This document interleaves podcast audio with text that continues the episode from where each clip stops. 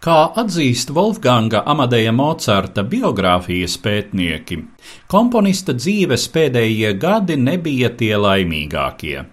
Austrijas nesevišķi sekmīgais karš ar Osmaņu impēriju bija izraisījis apsīkumu Vīnes kultūras dzīvē. Turklāt galvaspilsētas publikas kaprīzā interese bija atsalusi pret Mocartu. Nācās kauties ar naudas trūkumu, tas dzina depresijā un neveicināja darba spējas. Tomēr tas bija arī laiks, kad skaņraža talants bija sasniedzis savu briedumu un nesa spilgtus radošus uzliesmojumus. Viens no tādiem bija 1788. gada vasarā, kad pāris mēnešu laikā Mocards pabeidza trīs spožas simfonijas - 39., 40. un 41. Pastāv uzskats, ka šie trīs skaņdarbi varētu būt iecerēti kā muzikāls triptiks vai pat instrumentālas oratorijas trīs daļas. Šādu teoriju izvirzījis izcilais austriešu diriģents Nikolaus Sarnonkūrs, kurš vairāk kārt iestudējis simfoniju triādi kā vienotu veselumu. Daudzi gan norāda, ka savā starpā šie skaņdarbi ir ļoti atšķirīgi, tomēr katrs no tiem arī nozīmīgi atklāja kādu vienu Mocarta talanta un personības šķautni. 39. simfonija Mībemola mažorā ir reverants laikmeta muzikālajai gaumei - dzīvespriecīga, viegla un eleganta. 41. do mažorā, vēlāk iedēvēta par Jupitera simfoniju, apliecina ģēnija iedvesmas spēku un pārlaicīgo varēšanu.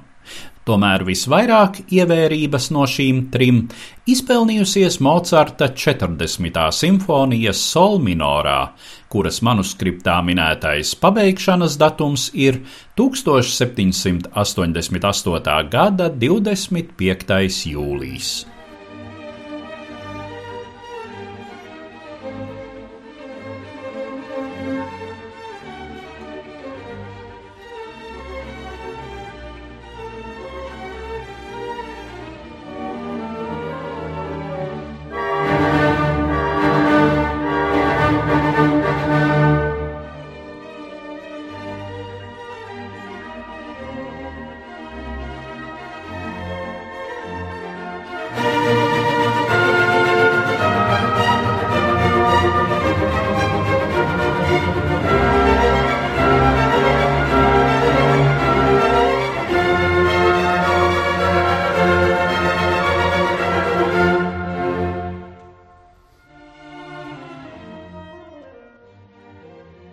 Mocarta 40. simfonijā dažādos laikos saklausīti dažādi motīvi.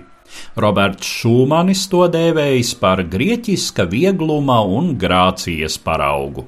Tomēr vairums ir to, kuri šai mūzikā dzird rezignāciju, skumjas un nepiepildītas alkas, komponista individuālā likteņa atbalsi. Emocionālais dziļums padarīs šo skaņdarbu tuvu nākamā gadsimta romantisma laikmeta komponistiem, no Beethovena līdz Brukneram, no Mendelsona līdz Māleram.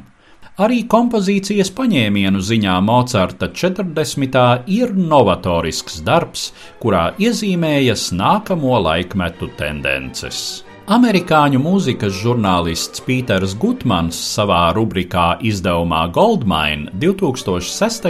gadā rakstīja: Tas patiesi ir apbrīnojams šķietamu pretstatu savienojums un līdzsvars, izslīpēta precizitāte un spontāna pašizpausme, formas stingrība un dziļi izjusta emocionalitāte individuāla atklāsme un universāls humānisms.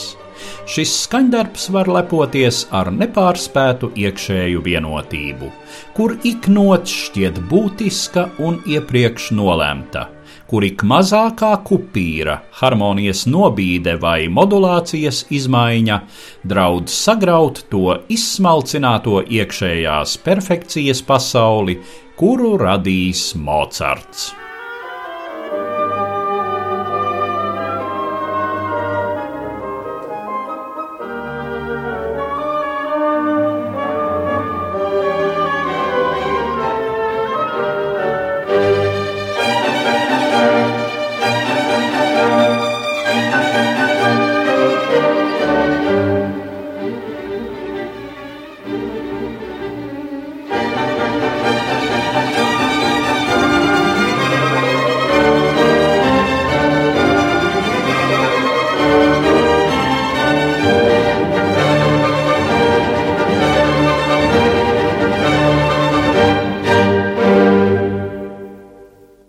Stāstīja Eduards Liniņš.